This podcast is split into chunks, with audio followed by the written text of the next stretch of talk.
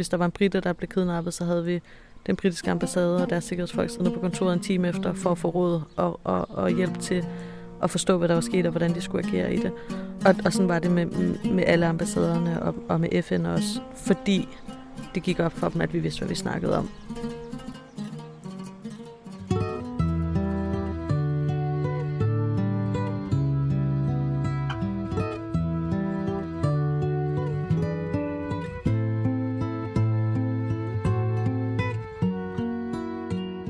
Jeg hedder Siris, og jeg kommer fra Mols, og jeg bor i Yemen, hvor jeg har et øh, sikkerhedsfirma, og jeg er øh, 30 år gammel.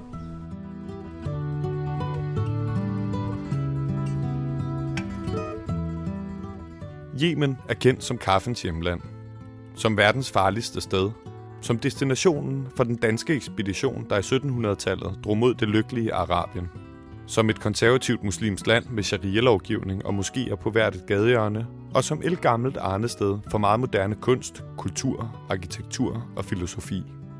I nyere tid er Yemen nok desværre mest kendt for al-Qaida-træningslejre, ekstrem fattigdom og den verserende krig med tusindvis af civile dræbte og den største humanitære krise siden 2. verdenskrig.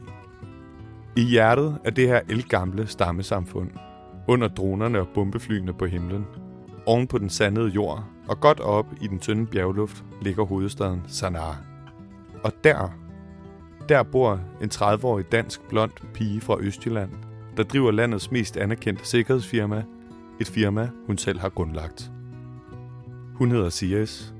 Hun er min søster, og det er hende, som den her historie handler om. Om at trods alle odds, følge sin drømme, gøre op med gamle militærmænd, nægte at bruge våben i verdens mest bevæbnede land og om at bo i hjertet af en krig. Jeg hedder Sigurd Hartkorn Pletner, og du lytter til Det Ekstraordinære, et program, der er blevet til i samarbejde med Projects by Mercedes-Benz. Velkommen til.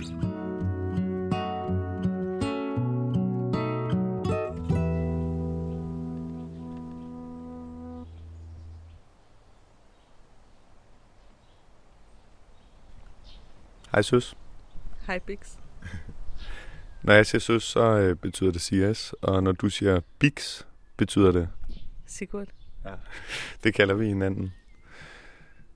Søs, vi sidder øh, her i en, i en lille baghave, og bag dig, hvor jeg kigger hen, er der en skov med smalle, men høje birketræer.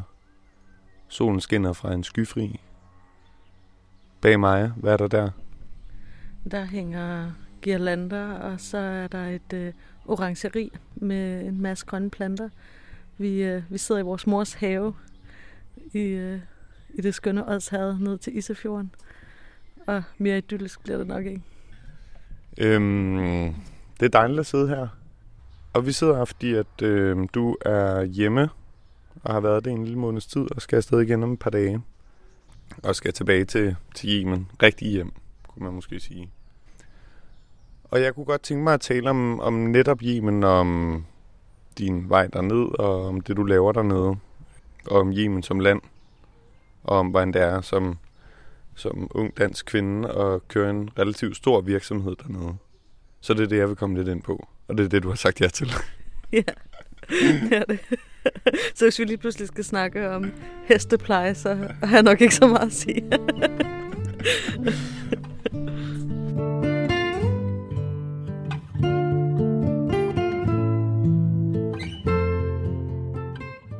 Det var sommeren 1987, hvor Sirius blev født, og to år efter kom jeg til verden og blev hendes lillebror. Det var sommeren, hvor vi legede t-selskab i badekarret på Mols, og lå ned i det høje korn på marken med hver sin walkie-talkie, hvor vores mor spillede bak, vi legede klodsmajor, og hvor kirsebærtræet begyndte at blomstre.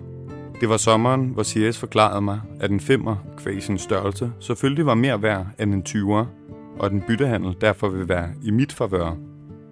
Sommeren, hvor jeg byggede fælder, mens hun fangede mus og satte dem fri i naturen, så katten ikke tog dem.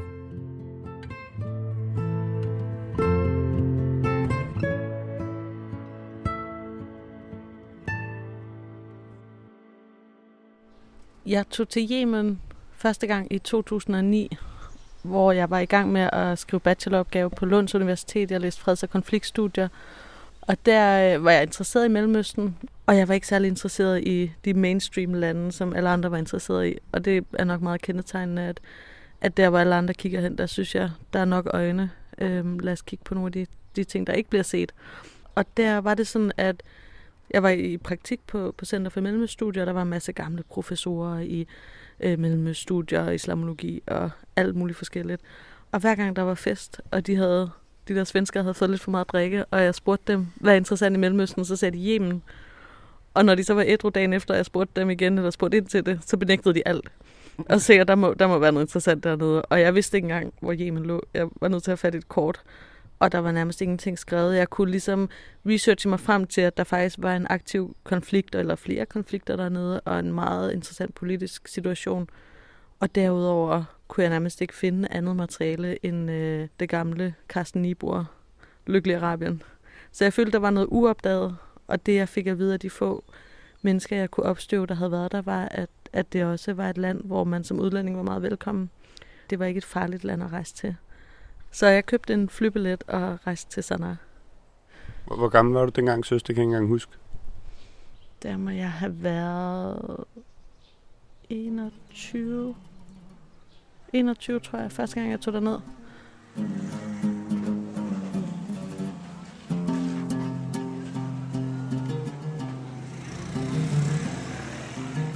Og jeg ankom til, til Sanaa midt om natten, fordi flyene var kun om natten, og kørte en taxa ind til byen og kommer ind i det her fuldstændig magiske altså bybillede, hvor man tænker, at det her det er løgn. Det, det er Aladdin gange 500.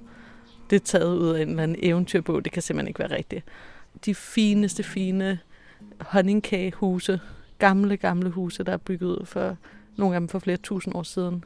Øh, verdens ældste højhuse og en af verdens ældste byer, som ikke er et museum, men som er der, hvor folk stadig bor.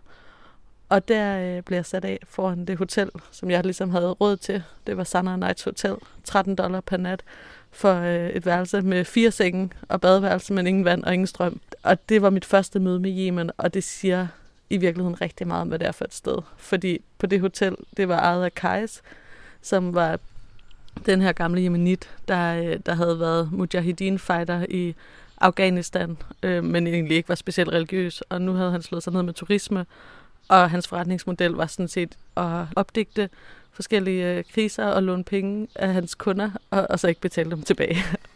og han ejede hotellet, så var der en anden ansat, det var Abdullah, som øh, lavede morgenmad og gjorde rent. Og, og Kajs fortalte mig ret hurtigt, at jeg skulle nok passe på, hvad jeg lagde på værelset og sådan noget, fordi Abdullah arbejdede altså for efterretningstjenesten, og skulle holde øje med sådan nogen som mig, der kom for at lave research.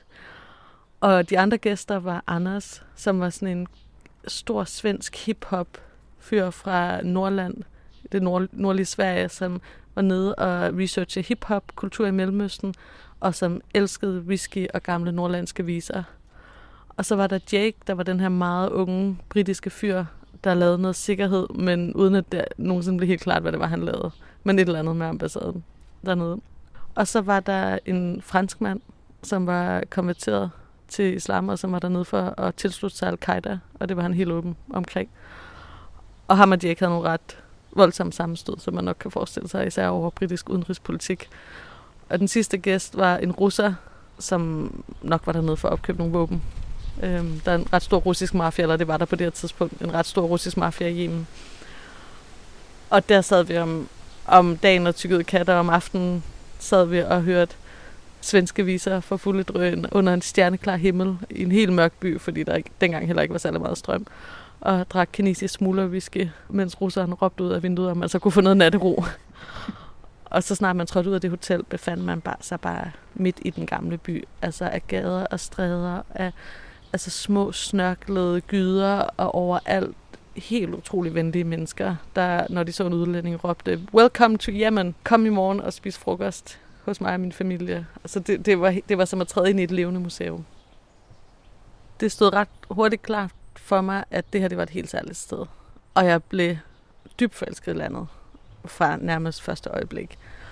Og arbejdsmæssigt var det også altså helt unikt, fordi som udlænding kunne du bevæge dig, og som kvinde også, kunne du bevæge dig frit rundt. Der var meget sikkert på det tidspunkt.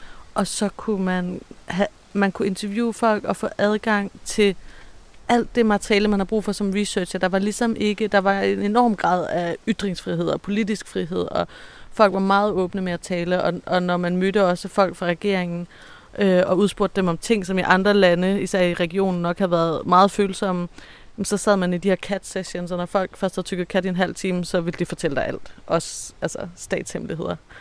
Og det var så underbelyst, og det var så interessant samtidig, at, at det var helt unikt. Og jeg begyndte at rejse frem og tilbage. Altså jeg tog på flere feltopgaver og lavede mere research.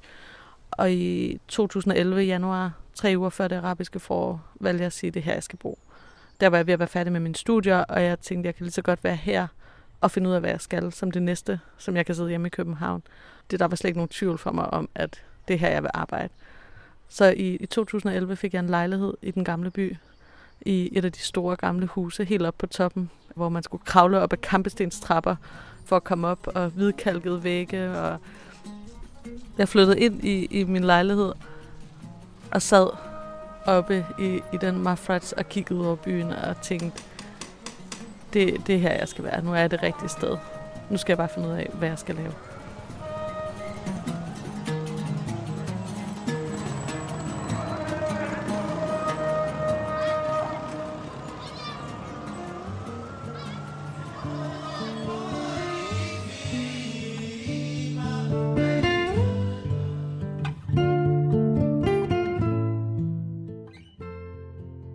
Det var sommeren, hvor Sia stak af hjemmefra og blev fundet på et asylcenter, som hun var taget hen til for at sympatisulte strække med irakiske flygtninge. Sommeren, hvor jeg fik lov at sidde med, når hun hørte stepulvene, røg cigaretter og havde tændt røgelse i hytten sammen med sine venner. Det var sommeren, hvor vi tog til punkkoncerter og drak dansk pilsner i et skur på Amager. Det var sommeren, hvor hun gik på universitetet, arbejdede i Folketinget og altid spiste halloumi. Sommeren, hvor jeg blev stolt, når hendes venner troede, at jeg var storebror og det var sommeren, hvor jeg blev endnu mere stolt, når hun sagde, det er han på sin vis også.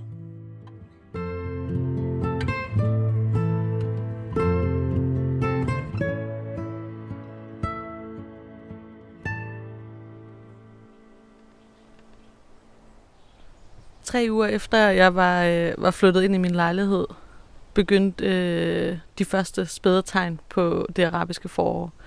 Og i Yemen startede det jo, som i alle de andre lande, øh, med nogle små demonstrationer, og der var ikke nogen, der vidste, hvor det bare hen. Og jeg sad med alle de politiske folk, jeg havde lært at kende på begge sider af det politiske spekter, og fulgt med. I starten var det bare limet til Al Jazeera, og vi skulle se, hvad der skete i Ægypten.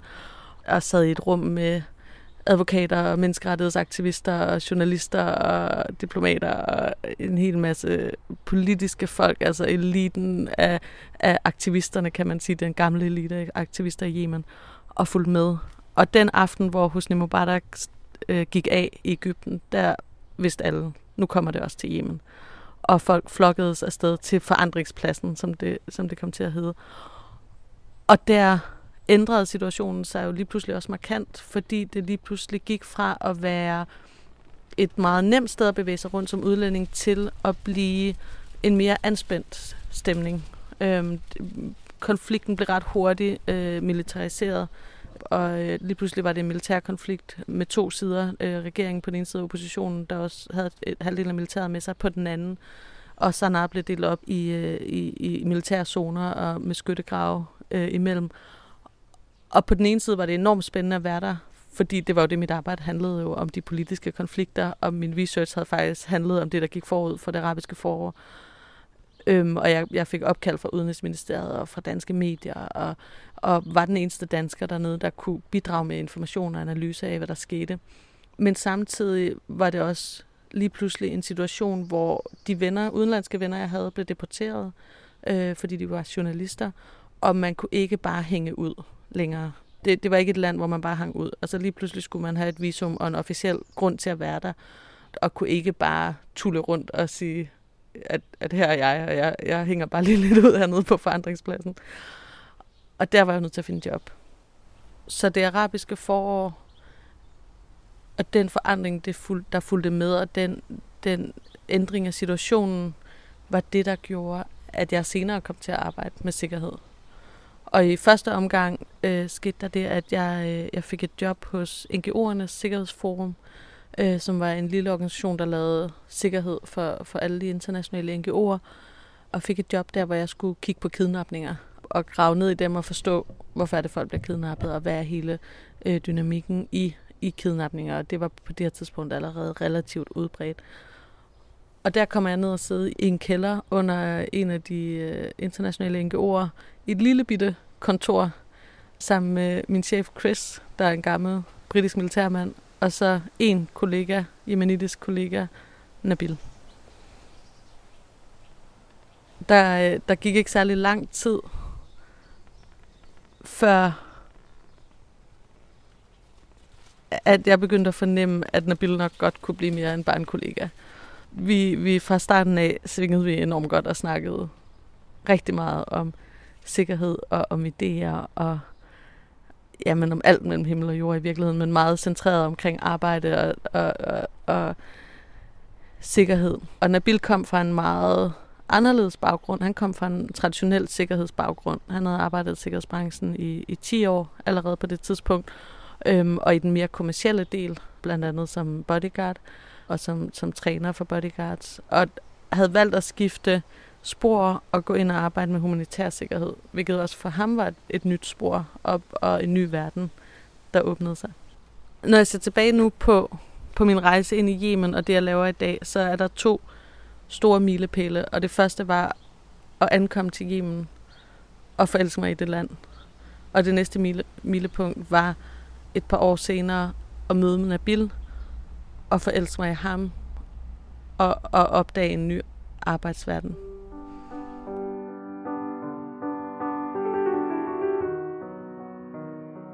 Det var sommeren, hvor CS rejste til Kenya, Somalia og Syrien. Sommeren, hvor jeg tog på højskole i Odsherred, og hun til en borgerkrig i Yemen. Sommeren, hvor hun sagde, at hun ville blive der, og jeg ikke forstod noget som helst. Det var sommeren, hvor jeg ankom til Sanaa midt om natten, blev der i næsten en måned, og derefter forstod det hele.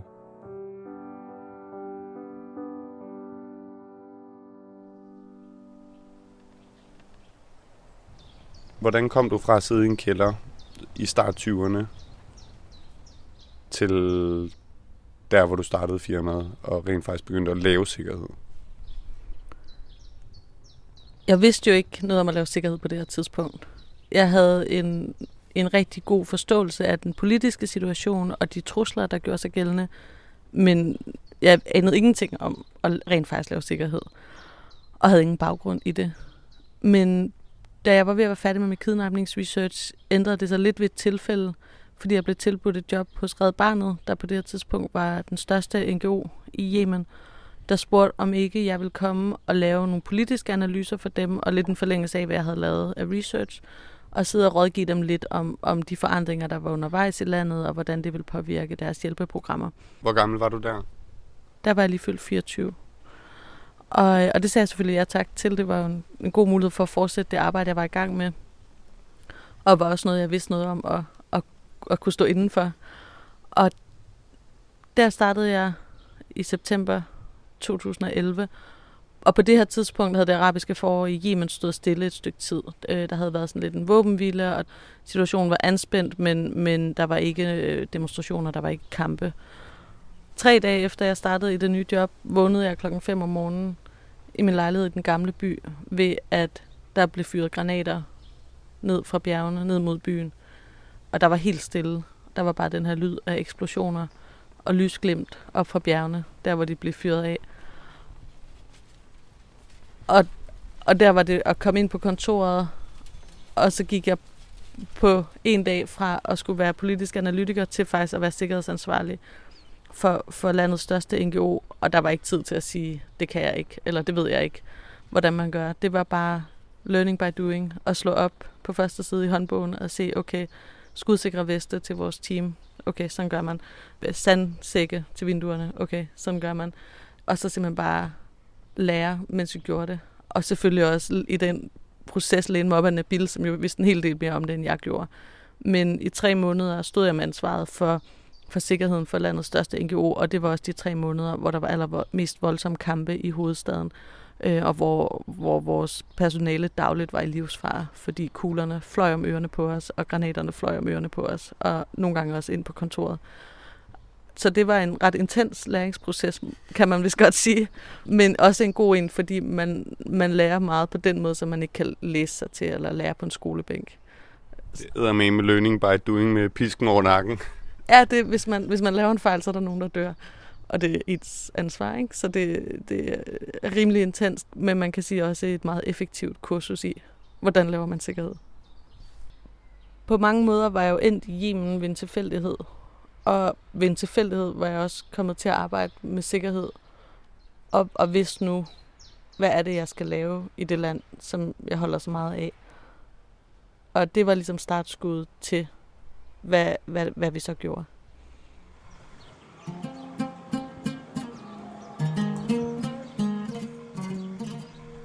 Situationen i Yemen havde jo ændret sig ret markant efter det arabiske forår, og det blev lige pludselig meget farligere for udlændinge at være i landet. Med kidnapninger, tilfældige skyderier, øh, bilbomber, øh, attentater. Øh, det var kun kidnapningerne, der sådan var specifikt rettet mod udlændinge, men, men situationen var meget ustabil.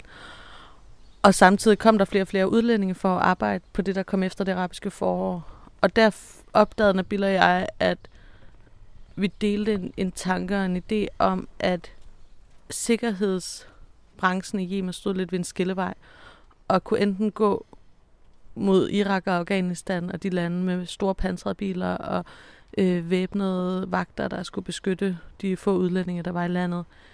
Men at der også var en anden mulighed, som ikke var tilgængelig øh, på det her tidspunkt, var øh, tilbød sikkerhedsbranchen kun den traditionelle vej. Og der føler vi, der er en anden vej.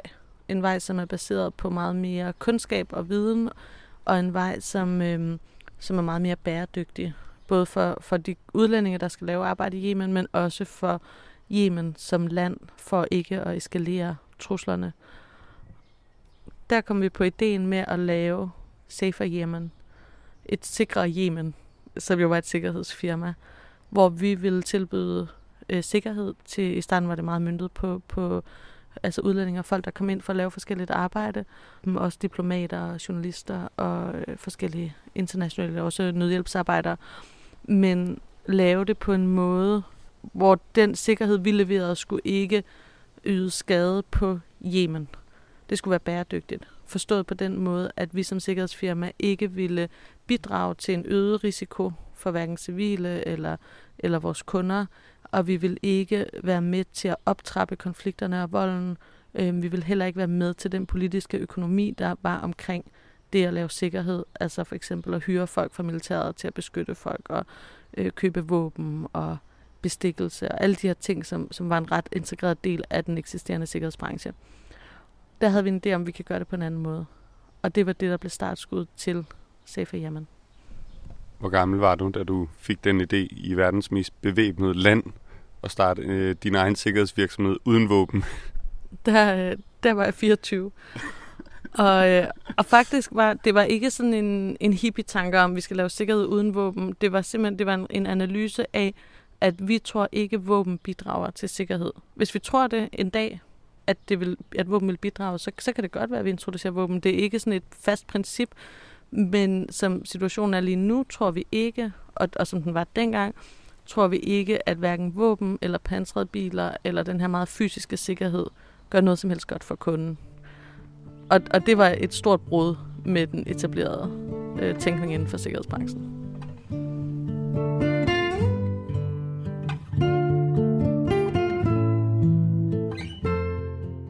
Det var sommeren i Yemen, hvor jeg måtte lægge drop på CS i skæret fra sterinlys, fordi den delvise borgerkrig havde taget elektriciteten og dygtige læger som nogle af sine første ofre. Sommeren, hvor vi spiste lammekølle og drak whisky på taget, mens tracer-projektiler tegnede streger hen over nattehimlen, og lydniveauet på moskéernes bønnenkaldelse steg i kraft med, at håbet om fred svandt ind.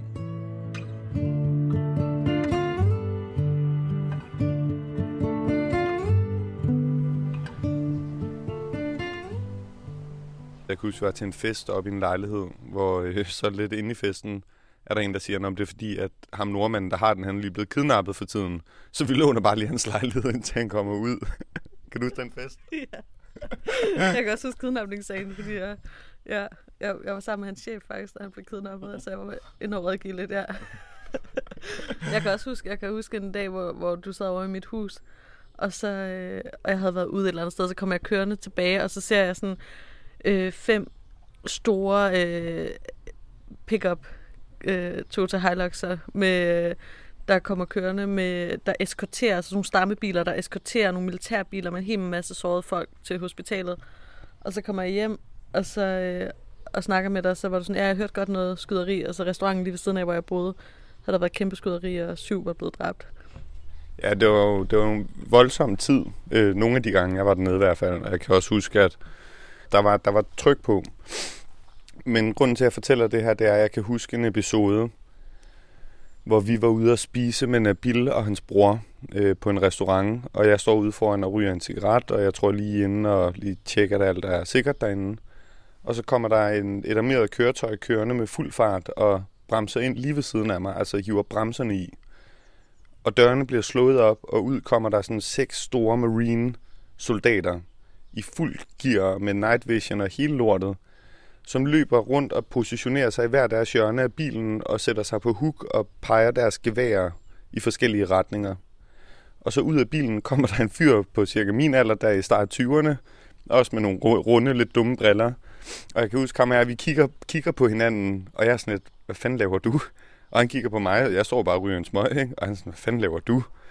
Men, men hvorom alting er, så siger det jo lidt om, den sikkerhedssituation, der var dernede, og hvordan de sikkerhedsfirmaer, som, som eksisterede, hvordan de opererede. Og når, da I besluttede jer for at starte jeres sikkerhedsfirma, hvad tænkte du så, altså at du som, som cirka 25-årig dansk pige med en bachelor fra Sverige, kunne putte ind i den ligning, og det, hvad skal man sige, sikkerhedsmarked, der var båret af kæmpestore våben og raketstyr og armerede køretøjer. Altså, hvad, hvad kunne du bidrage med der? Jamen, jeg havde en tro på, at det her, det kunne vi fandme gøre bedre. Det var ikke godt nok.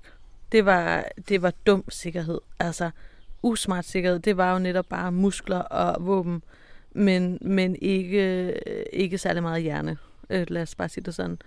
Og der havde, havde både jeg og Nabil en idé om, at vi kunne lave sikkerhed på en måde, som ikke behøvede at handle om våben, og der behøvede ikke at være store øh, betonblokke ud og, og CCTV-kameraer og pigtrådshegn, øh, men man kunne lave sikkerhed på en måde, som var meget mere bæredygtig. Det, der sker, når man kommer ind i sådan en helt traditionel sikkerhed, det er jo, at du opeskalerer hele tiden. Du, du begynder at få en armeret bil, og så begynder kidnapperne bare at skyde på dig. Så får du også nogle væbnede vagter, Øh, det løser ikke problemet. Så holder du op med at bevæge dig, så får du betonblokke rundt om din blok, så får du CCTV-kamera, så får du pigtrådshegn, og til sidst så trækker du dig ud, fordi du kan, ikke, du kan ikke optimere sikkerheden mere, og der er ikke nogen måde heller at nedgradere sikkerheden på. Der tænkte vi, det kan, det kan fandme gøres bedre. Og vi startede med øh, vores, vores første opgave, samme uge som vi fik vores øh, papir på, at nu havde vi et firma, og måtte gerne operere, fik vi en kunde ind, som var øh, på alle måder en højrisikokunde. Det var en øh, diplomatisk mission, og de skulle arbejde med sikkerhedsreform, øh, altså reform af politi og sikkerhedsstyrker, og det var det, var det felt, hvor der var allerflest øh, bilbomber og angreb og øh, kidnapninger og attentater. Øh, så de var på alle måder i høj risiko. Og så, øh, og så øh, øh, lånte vi to Corollaer. Vi havde ikke vores egen biler på det tidspunkt, så lånte vi to Corollaer og, Gamle smadrede Toyota. Ja, og fyrede dem derinde i og kørte dem rundt.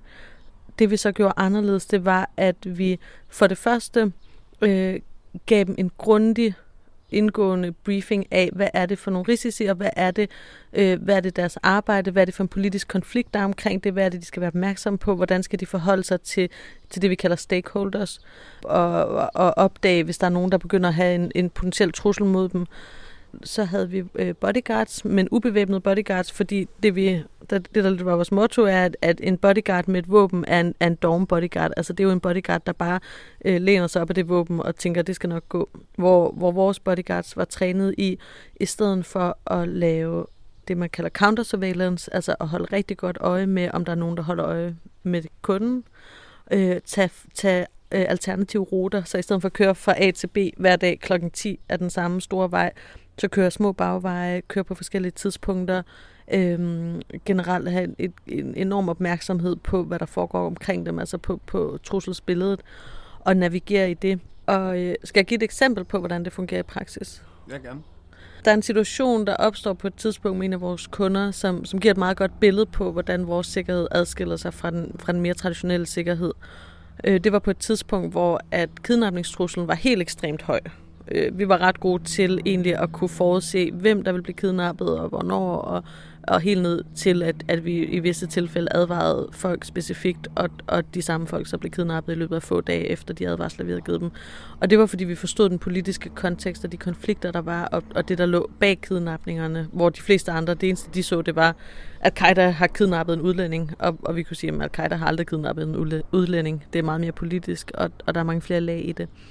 Men på et tidspunkt var kidnapningstruslen så høj, at vi følte ikke, at vi kunne, kunne forhindre en kidnapning. Altså vi vidste, at der var flere hold af, af kidnapper, der ledte efter udlændinge, og tilfældige udlændinge, bare for at tage dem. Og en af vores kunder var en britisk-amerikansk mission, og, og vi sagde til dem, at vi synes egentlig, at I skal forlade landet, øh, fordi jeg har alligevel kun på en kort vej tur, og komme tilbage, når situationen er bedre. Men de valgte at blive, og vi havde så det, der hedder lead vehicle på, det vil sige, at der var to biler, og igen helt low profile, Corolla, og helt normale små biler, familiebiler.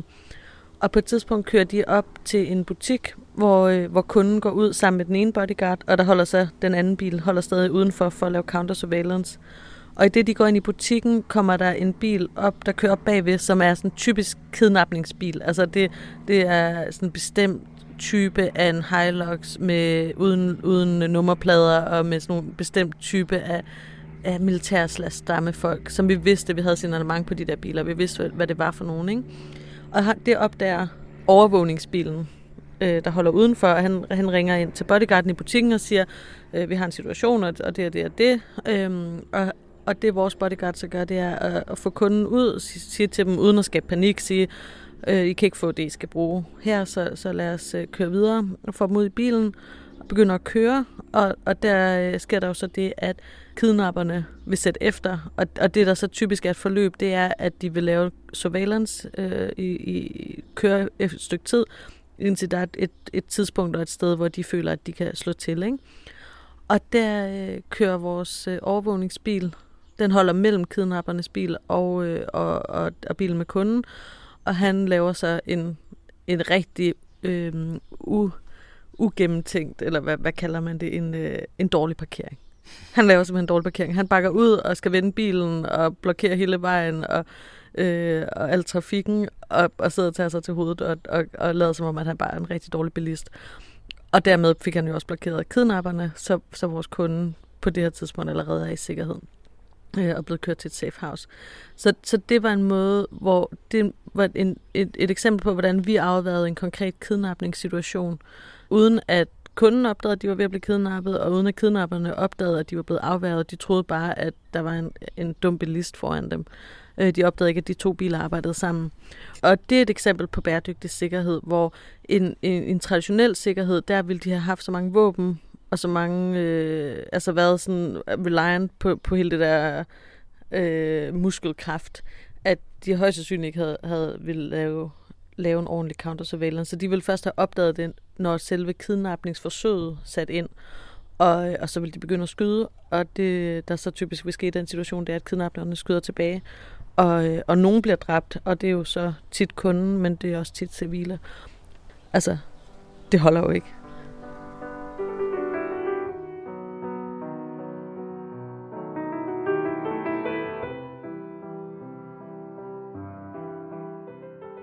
Det var sommeren, hvor hun mødte en og sagde, jeg har fundet ham.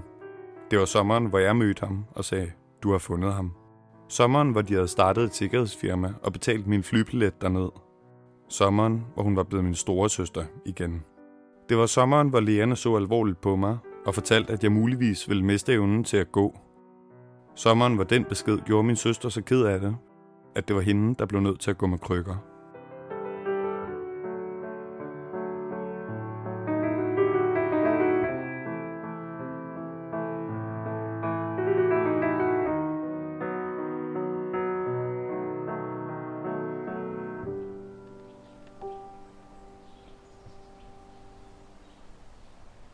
Hvordan gik det så, da I, da I startede jeres virksomhed og startede Safe hjemme og sagde, vi gør det helt anderledes, der er sgu ikke nogen våben her, der er ikke armerede køretøjer. Vi har selvfølgelig nogle vagter, nogle rapid response teams osv., men, men vi kører den low-key. Kunne I få kunder? Hvordan, hvordan blev det modtaget? Det blev modtaget rigtig godt. Øhm, selvfølgelig var der også modstandere og folk, som synes, at, at det var hul i hovedet. Men det blev modtaget rigtig godt af rigtig mange, fordi det, det gav mening i virkeligheden. Altså fordi det var, og det, det vi altid siger, security is common sense. Det er faktisk ikke mere end det. Og det, øh, vi fik en masse kunder, og, øh, og mange sådan forskellige slags kunder, og, og øh, jeg voksede ret hurtigt, fik, fik et stort kontor. Vi overtog det danske udenrigsministeriets gamle kontor i Yemen, og blev også et sted, hvor mange altså hvor mange samlede sig. Altså vi holdt mange seminarer, for eksempel, hvor der både var øh, journalister og researcher og akademikere, men også folk fra det diplomatiske samfund og fra virksomheder og fra, øhm, fra NGO'erne, som kunne tage nogle snakke om, hvad er det egentlig for nogle øh, forandringer, der sker lige nu i det jemenitiske samfund, og, og ændrings, ændringer. Så vi var både en, en tænketank og, og en analysevirksomhed og en operationel sikkerhedsvirksomhed øh, på én gang, og, og det fungerede rigtig godt og blev rigtig godt modtaget for mig er det jo helt naturligt at sidde og snakke om, ikke? Øhm, men hvis jeg prøver at træde et skridt tilbage, og det her med, at jeg sidder over for dig, ikke? lysblondt hår, 30 år gammel, og du sidder og taler om de her ting, der, der er jo noget, øhm, der er noget vildt over det på en eller anden måde, ikke? Og det ved jeg jo også, at du, det har du også mødt meget, ikke? Mange fordomme og mange, både i forhold til at være ung, i forhold til at være kvinde, i forhold til at være fra Danmark, ikke? Og så pludselig stå dernede og lave det. Hvad, hvad, hvad var det for nogle fordomme, du, du mødte, da I, da I startede den op, virksomheden? Den, den fordom, jeg mødte allermest, var, var fra øh, gamle militærmænd, altså typisk øh, amerikanere, britter, australier, øh, som sad på sikkerhedsbranchen, og som kom ind og var sådan, lille skat, tror du ikke bare, du skulle smutte hjem og få dig en kop te, og skal vi ikke køre dig hjem, så du ikke bliver kidnappet på vejen, ikke?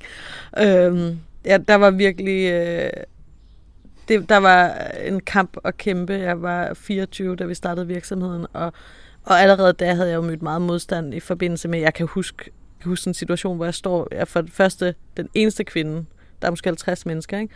Jeg er den eneste kvinde, og så er jeg bare omgivet af sådan nogle kæmpe store marine soldattyper, alle sammen amerikanere, og med kæmpe walkie-talkies og øh, satellittelefoner, de lige lægger op på bordet.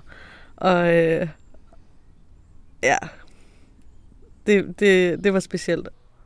Altså på et tidspunkt forstummede noget af kritikken, fordi de også kunne se, at, at jeg og Nabil havde ret i nogle af de ting, vi sagde. Altså det gik faktisk fra at, at være en, en, en meget en kamp mod, mod de der typer, der troede, de vidste bedre, og fordi de havde den der militære baggrund, vidste alt. Altså jeg kan huske, at jeg havde en, en samtale med en, en fyr, øh, til en, en fest hos den britiske ambassadør, som var enormt nedladende, og som var sådan, ja, man kan kun lave sikkerhed, hvis man har militær baggrund, og jeg skal jo kunne lære mine kunder, hvordan de skal, eller hjælpe dem med at kravle over en høj mur øh, for at flygte i en situation, og hvor, hvor jeg kiggede på dem og sagde, ja, jeg prøver så at lave sikkerhed på en måde, så mine kunder aldrig når i den situation, hvor de skal kravle over en høj mur.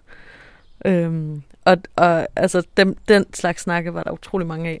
Men så på et tidspunkt, blev det faktisk til, at hver gang der var en kidnapning, og på det her tidspunkt var der kidnapninger næsten ugenligt af udlændinge, øhm, eller i hvert fald et par gange om måneden, så, øh, så var vi faktisk de første folk kom til. Altså hvis der var en britter, der blev kidnappet, så havde vi den britiske ambassade og deres sikkerhedsfolk siddende på kontoret en time efter for at få råd og, og, og hjælp til at forstå, hvad der var sket og hvordan de skulle agere i det. Og, og sådan var det med, med alle ambassaderne og, og med FN også, fordi det gik op for dem, at vi vidste, hvad vi snakkede om og en diskussion, der tit kommer op, var den der med, hvordan kan man beskytte øh, en, en, en person, en kunde mod kidnapning, hvis man ikke har våben. Hvor, hvor vi lavede jo research på kidnapninger, indsamlede øh, statistik og data, og kunne jo sige, altså kunne jo bakke det op med data, og kunne sige, jamen i, i alle de tilfælde, hvor der ikke har været våben involveret, er kidnapningsoffret overlevet i sidste ende. Altså det kan godt være, at de har været kidnappet, men så er de blevet frigivet og overlevet. Hvor i alle de tilfælde, hvor der var våben involveret, er der nogen, der er blevet dræbt. Og det er jo sådan en ret stærk statistik, ikke? Så vi var faktisk nået dertil, hvor, hvor vi følte, at det var blevet en succes, at virksomheden var blevet en succes, at, at, at folk havde tillid til os, og vi havde lykkedes med det, vi lavede, og vi voksede og, og havde flere og flere ansatte, flere og flere kunder.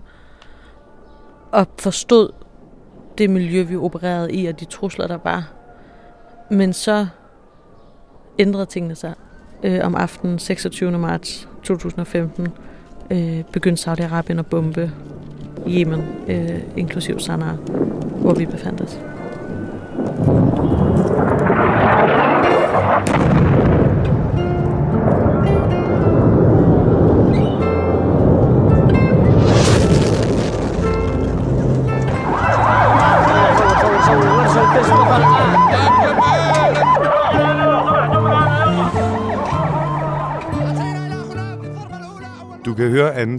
Udsendelsen i næste uge. Musikken var komponeret af Mads Kok. I redaktionen sad Emil Vilk, Sine Christiani og Thomas Borger. Programmet var optaget, tilrettelagt og klippet af mig, og jeg hedder Sigurd Hardkorn Pletner. Hele serien er blevet til i samarbejde med Projects by Mrs. Benz på genhør i næste uge.